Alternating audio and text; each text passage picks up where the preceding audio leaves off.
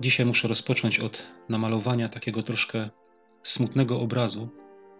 Obrazu, którego być nie powinno. Ale niestety taki obraz jest i, i to jest przykre. I zacznę od przeczytania fragmentu słowa z Księgi Ród z pierwszego rozdziału i od pierwszego wersetu przeczytam.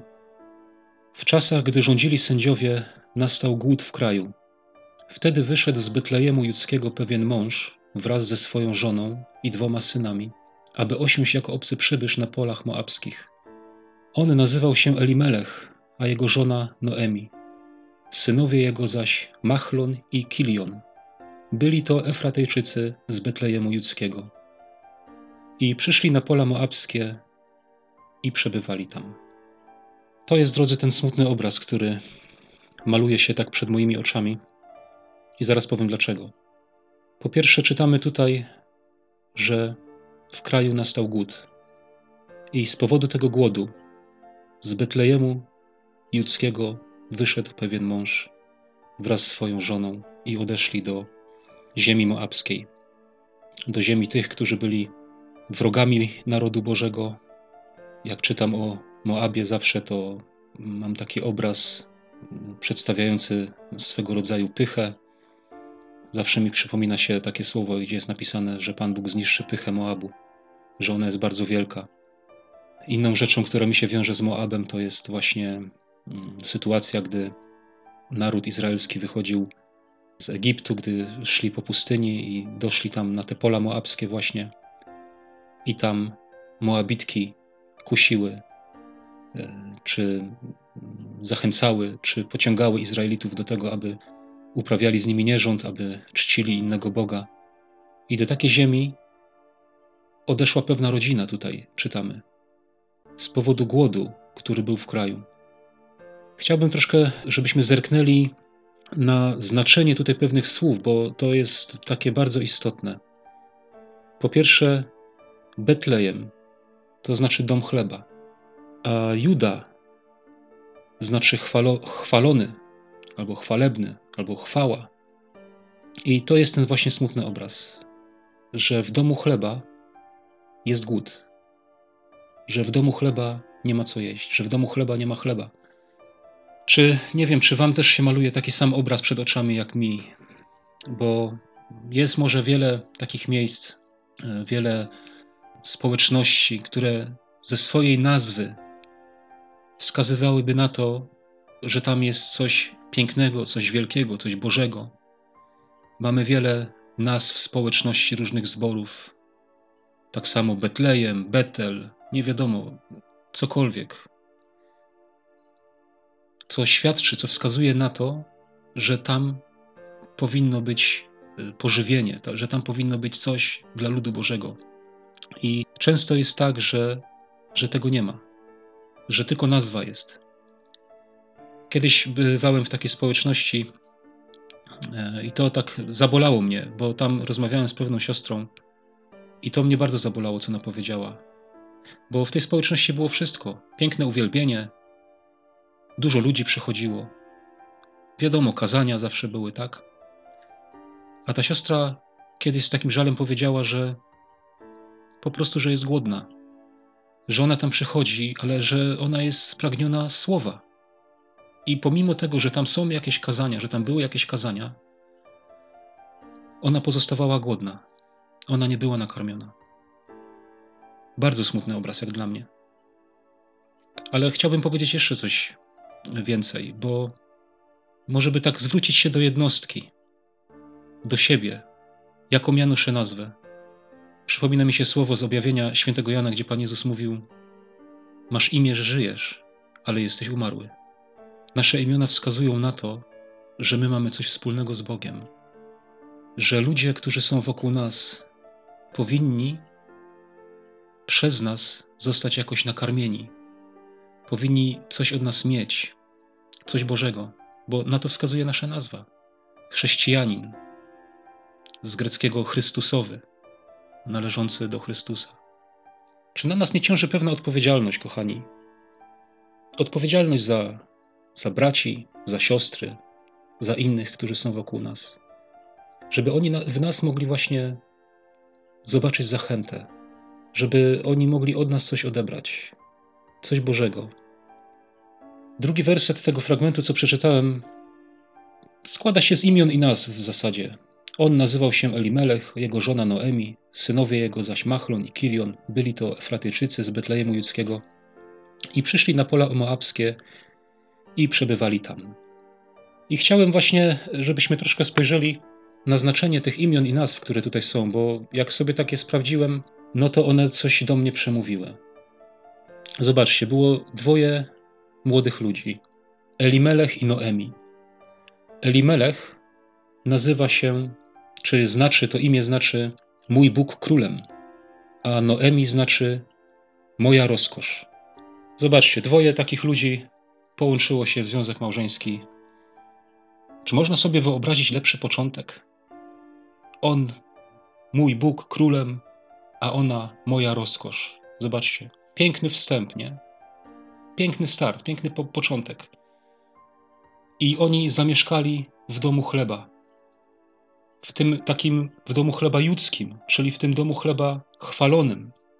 O, piękne miejsce, no można sobie wyobrazić coś lepszego. Wydawałoby się, że tam powinna być obfitość, pożywienia, Boża obecność. Ale zobaczmy, jaki właśnie smutny obraz mamy tutaj przed oczami. Mija jakiś czas. Noemi zachodzi w ciążę. Przychodzi na świat syn. Machlon dają mu na imię. Imię Machlon znaczy chory. Wiecie, Izraelici nadawali imiona często pod wpływem stanu, w jakim się znajdowali, czy okoliczności. To, o tym możemy czytać e, na kartach e, Pisma Świętego. Jak synowa Helego urodziła na wskutek tego, że się dowiedzieli, że, że została Arka Przymierza zabrana do niewoli do, przez Filistynów, no to ona nazwała swojego syna Ika, Ikabot, bo powiedziała, że odeszła, odeszła chwała od Izraela. Nie? I, I na wskutek tego właśnie wydarzenia jej syn został nazwany. Zobaczcie, oni nazwali tutaj swojego syna chory, pierwszego syna. Czyli coś było nie tak, coś się działo źle, jakaś choroba tam była. Mija jakiś czas, Noemi znowu zachodzi w ciążę. Rodzi się ich drugi syn. Nazwali go Kilian, a Kilian znaczy marniejący, usychający z tęsknoty. Trudno sobie wyobrazić stan, ten stan. I oni byli wszyscy Efraimitami. A Efraimita to jest takie ciekawe słowo, ono ma takie podwójne znaczenie i ono znaczy bycie popiołem lub bycie owocnym. Zobaczmy, jakie, jakie to są dwie takie przeciwstawne sobie rzeczy. I to przemawia do mnie osobiście bardzo, bo to mi pokazuje, że ja mogę być albo popiołem, albo bycie owocnym, że ja mogę być tym, który przyniesie komuś pożytek, albo nie, albo mogę być kimś, kto przeze mnie będzie zniechęcony. I w takim miejscu znajdowali się ci ludzie. I odeszli. Odeszli stamtąd. Powiem wam, ja nie chciałbym, żeby ktoś, kto przebywa w mojej obecności, z mojego powodu odszedł do ziemi, która nie, nie, nie jest Boża, do ziemi, która należy do Bożego przeciwnika. Nie chciałbym, żebym z mojego powodu ktoś odszedł. Ja bym chciał być tym, tym e, Efraimitem o znaczeniu bycia owocnym. Ja bym chciał być tym domem chleba, w którym jest chleb. Wiecie, bo oni się wyprowadzili z tego Betlejemu, ale tam, tam ludzie zostali. Ci ludzie tam z czegoś żyli. Oni tam jednak coś jedli. Jak ja myślę o głodzie, jak ja sobie wyobrażam głód, to tutaj przychodzi mi na myśl e, taka scena z filmu Pianista w Warszawie, takiej zrujnowanej przez Niemców. I był, I był ogromny głód, i naprawdę nie było co jeść. I on gdzieś tam znalazł e, jakiegoś starego ziemniaka i go sobie gdzieś tam e, na, na szybko, to był dla niego skarb jakiś, prawda? Znalazł ziemniaka. To, to mi pokazuje głód. Ale tutaj, w tym miejscu, w tym fragmencie, co przeczytałem, ja odczytuję głód jako brak chleba. Zaraz pokażę jeszcze e, w innym miejscu. Zobaczcie, szósty werset mówi tak, że po śmierci e, tego swojego męża i tych dwóch synów, Noemi wybrała się w drogę powrotną, bo szósty werset mówi nam, Wróciła z pól moabskich, gdyż usłyszała tam, że Pan ujął się za swoim ludem i dał im chleb. Drodzy, co chcę powiedzieć? Dusza ludzka potrzebuje chleba. I tym, co dzisiaj mówię, chciałbym zachęcić nas wszystkich, żebyśmy byli takim domem chleba, w którym jest chleb. Bo ludzie potrzebują chleba. E, ludzie nie potrzebują smakołyków. Wiecie, że można się najadać słodyczami, że można się najadać różnymi rzeczami, ale można być niedożywionym. Potrzebny jest chleb. Jest taka historia w pierwszej księdze Mojżeszowej, e, historia o Józefie i ta sytuacja, gdzie nastał głód w ziemi kananejskiej, zboże było tylko w Egipcie i Jakub wysyłał swoich synów, żeby oni tam poszli, żeby przynieśli zboża. I zobaczcie, tam był głód, nie? Tam był głód, a Jakub mówi do, do tych e, synów swoich, to jest pierwsza księga Mojżeszowa, 43 rozdział i 11 werset, mówi tak: Wtedy rzekł do nich Izrael, ojciec ich, jeśli tak musi być, to uczyńcie tak. Nabierzcie do swoich worów najlepszych płodów ziemi i zanieście w darze temu mężowi trochę balsamu, trochę miodu, korzeni, miry, orzechów, migdałów.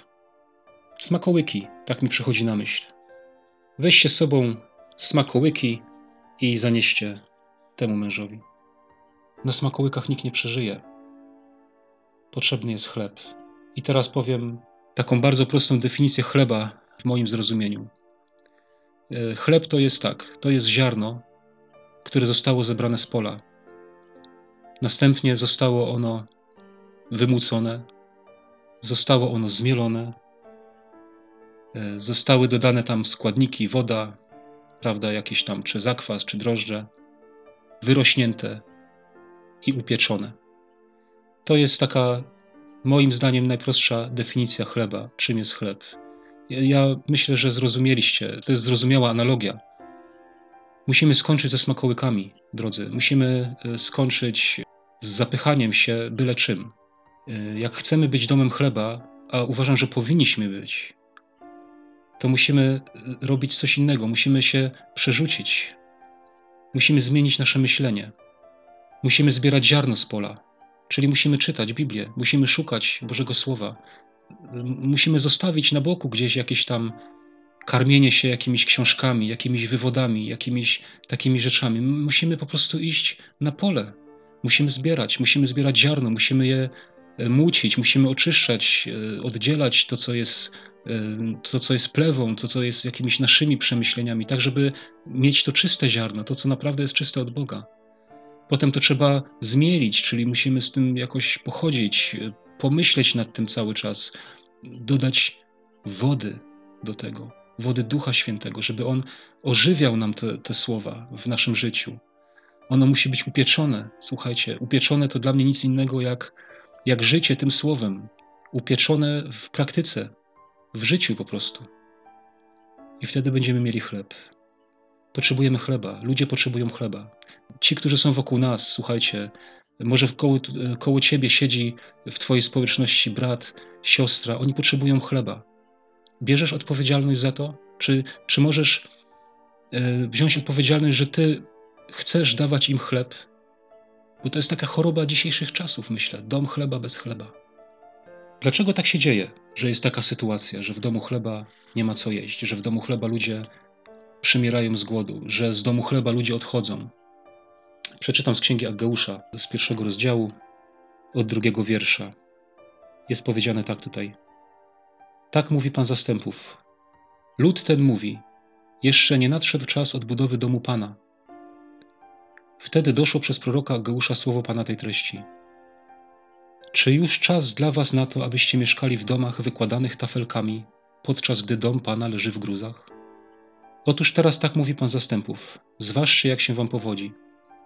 Siejecie wiele, lecz mało zbieracie. Jecie, lecz nie dosyta Pijecie, lecz nie gasicie pragnienia. Ubieracie się, lecz nikt nie czuje ciepła, a kto pracuje, by zarobić, pracuje dla dziurawego worka.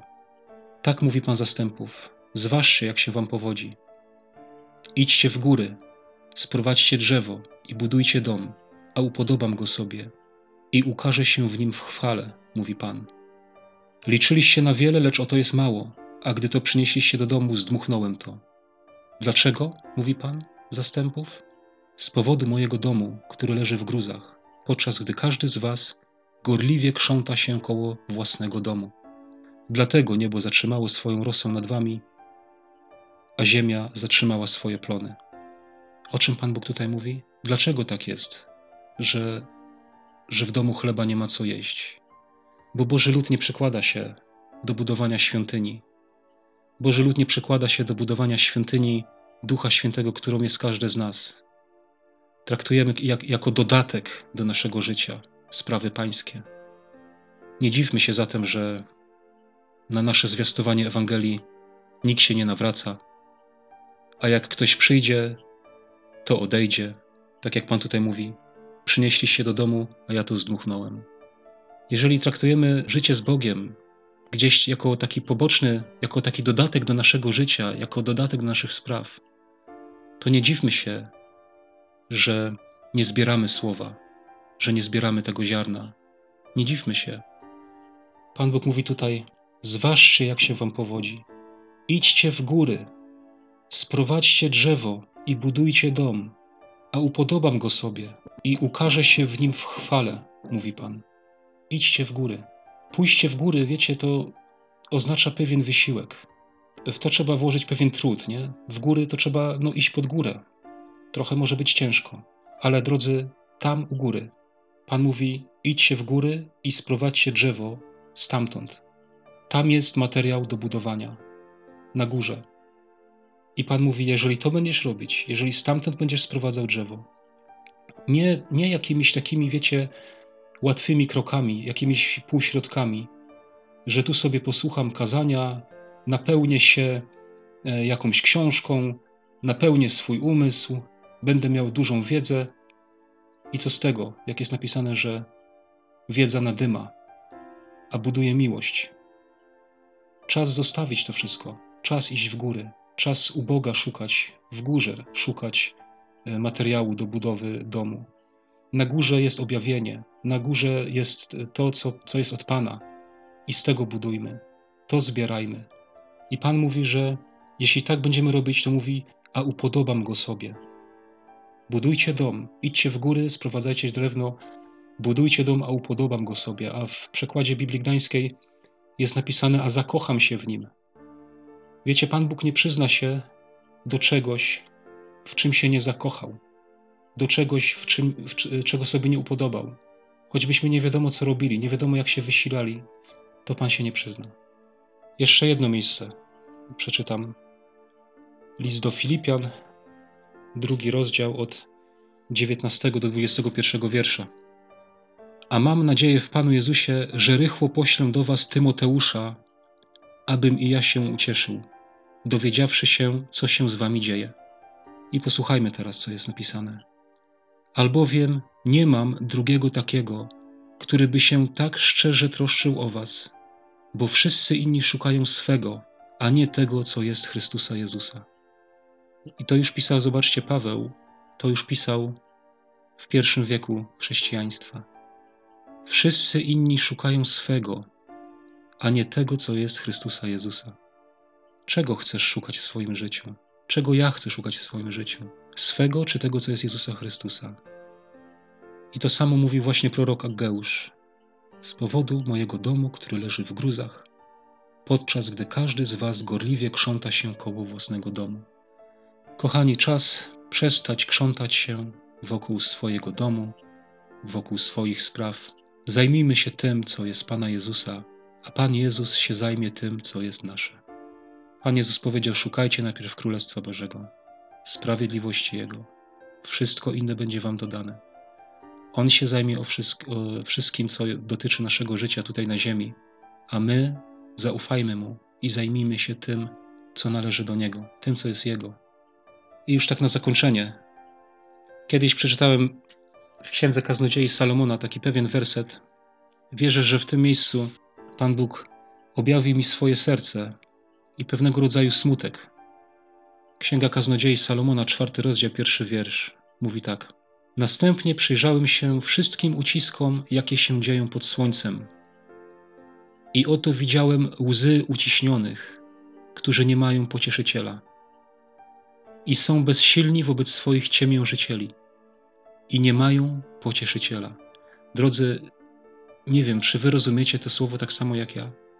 Czy ono przemawia do was tak samo jak do mnie? Zdajemy sobie sprawę z tego, że wokół nas są ludzie uciśnieni, którzy płaczą i nie mają pocieszyciela, i są bezsilni wobec swoich ciemiężycieli i nie mają pocieszyciela. Czy to, czy to słowo nie napełnia na, naszych serc jakimś takim Bożym smutkiem? Przecież Pan Bóg widzi takich ludzi, że tacy ludzie są, są na ziemi, są wokół nas. Ale wiecie, my ich nigdy nie zobaczymy, dopóki będziemy się kręcić wokół własnej osi, dopóki będziemy patrzeć tylko na, na swoje, dopóki będziemy troszczyć się tylko o swoje. Nigdy ich nie zobaczymy.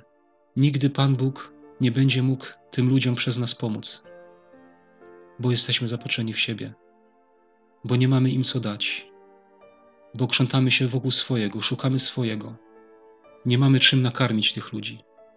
Owszem, możemy im wytykać, że to robią nie tak, że tamto robią nie tak. Możemy wytykać im ich grzechy, ale co to da? Oni potrzebują pomocy, oni potrzebują jedzenia, Chcemy tego, co, czego chce Pan Bóg.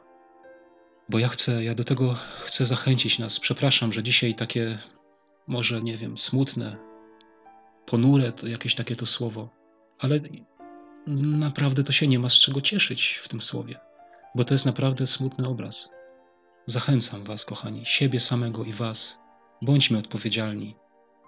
Bądźmy domem chleba, w którym jest chleb. Bądźmy tymi, którzy idą w góry, którzy tam szukają materiału do budowy świątyni, którzy budują Boży dom, który Pan Bóg będzie mógł napełnić swoją chwałą, w którym będzie mógł się zakochać, w którym będzie mógł mieć upodobanie i będzie mógł się podzielić nami, będzie mógł się podzielić z innymi, będzie mógł ratować tych, którzy są uciśnieni, którzy nie mają pocieszyciela. Ja tego chcę. Amen.